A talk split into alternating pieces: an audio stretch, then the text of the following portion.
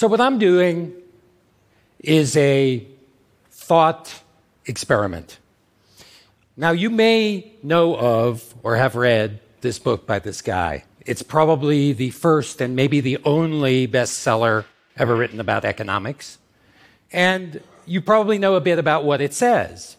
It talks about how nations all over the world will prosper through the individual pursuit of individual profit. Individual profit will be the mechanism for the prosperity of the world. But the funny thing about Adam Smith is that he was a stay at home kind of guy. He actually never went further from Edinburgh than France and Switzerland. So, my thought experiment is to imagine what would have happened if Adam Smith had visited Africa. And fortunately, there's actually an easy answer. Because the Arab lawyer and traveler Ibn Battuta traveled down the east coast of Africa in the 14th century. And what he found when he got to Mogadishu was a market, and he wrote about it. And basically, merchant ships came to the harbor, and they weren't even allowed to land. They had to drop anchor in the harbor, and boats came out to them, and locals picked them and said, You are my guest, I am now your broker. And they had to do business through the local broker, and if they went around that and didn't do business through the broker, they were uh, they could go to court and the deal would be canceled and they would be thrown out of town. And through this mechanism, everyone prospered. And so if that was Adam Smith, he might look like this guy and say, ah, that's a mutual aid society. That's a share the wealth free market. And when I put this question to uh, Christian, who had the stage at the beginning of this session, um, he responded that if Adam Smith had come to Africa, there would have been a sharing economy long before Airbnb and Uber. And that's true.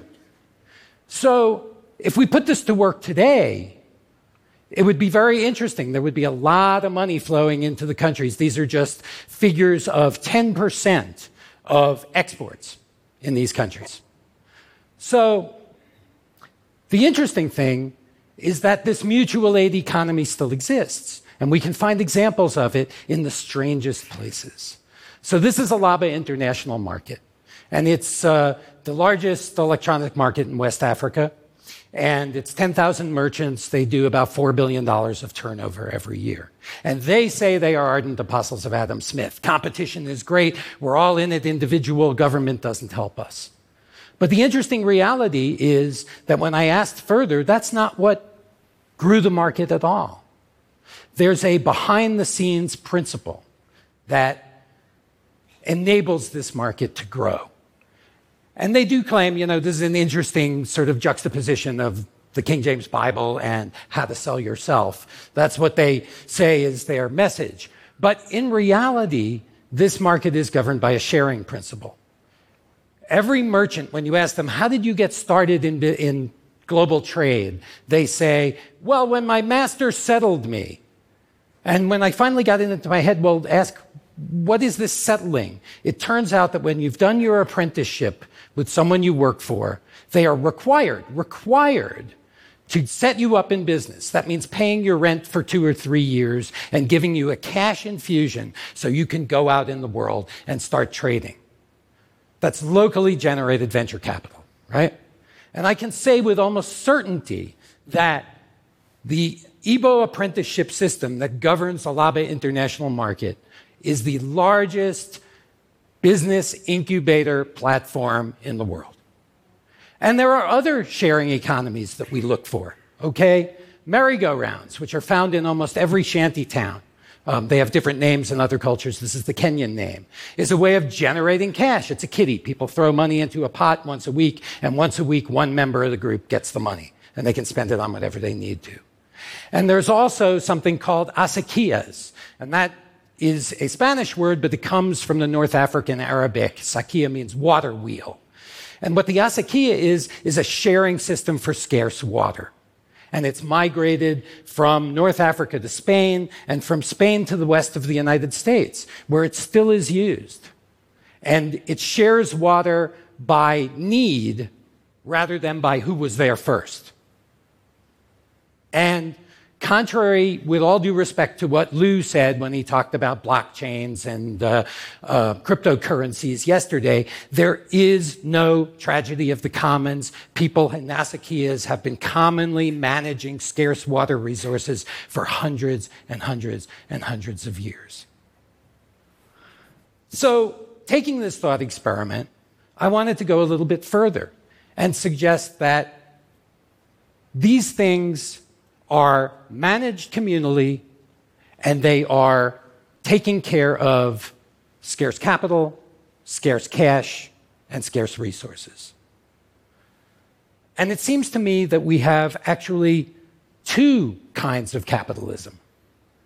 We have the capitalism of the top up. And these are really interesting statistics because three one thousandths of 1% of the Nigerian population controls wealth equal to one fourth of the GDP of the country. One one hundredth of 1% of the Kenyan population controls wealth equal to 75% of the GDP of the country. That's the capitalism of top up. And everyone else is with this guy selling board games and bodybuilding equipment in a go slow on the highway in Lagos. And when you're selling board games and bodybuilding equipment in a go slow, that traffic jam is really, really, really bad, right? Those of us in this sphere of the economy are caught in what I call the capitalism of decay because there's no way to rise up and get out of it because they're lacking the resources that we talked about in those sharing economies. And it, they're tripped up by the thesis of cassava and capitalism, right? That cassava has to be processed in order not to be poisonous. And I would argue that similarly, the market economy needs to be processed in order to be fair to everyone. So we have to look at what I call the bottom down economy. These are these sharing models that exist out there that need to be propagated and used and scaled, okay? And if we propagate these things, we can begin to bring infrastructure to everyone. And that will ensure that communities are leading their own development, which is, I believe, what we need in the world and I would suggest what we need in Africa. I wanted to quote Steve Biko, and I thought it was really important to quote Steve Biko because, uh, you know, next month, September 12th to be exact, is the 40th anniversary of his murder by uh, the South African state. Um, and you can read the quote. You know, he basically said that we're not here to compete.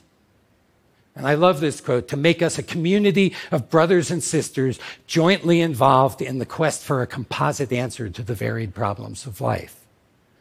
And he also said that the great powers of the world have done wonders in giving us an industrial and military look. And we don't have to copy that military industrialist complex because Africa can do things differently and restore the humanity of the world.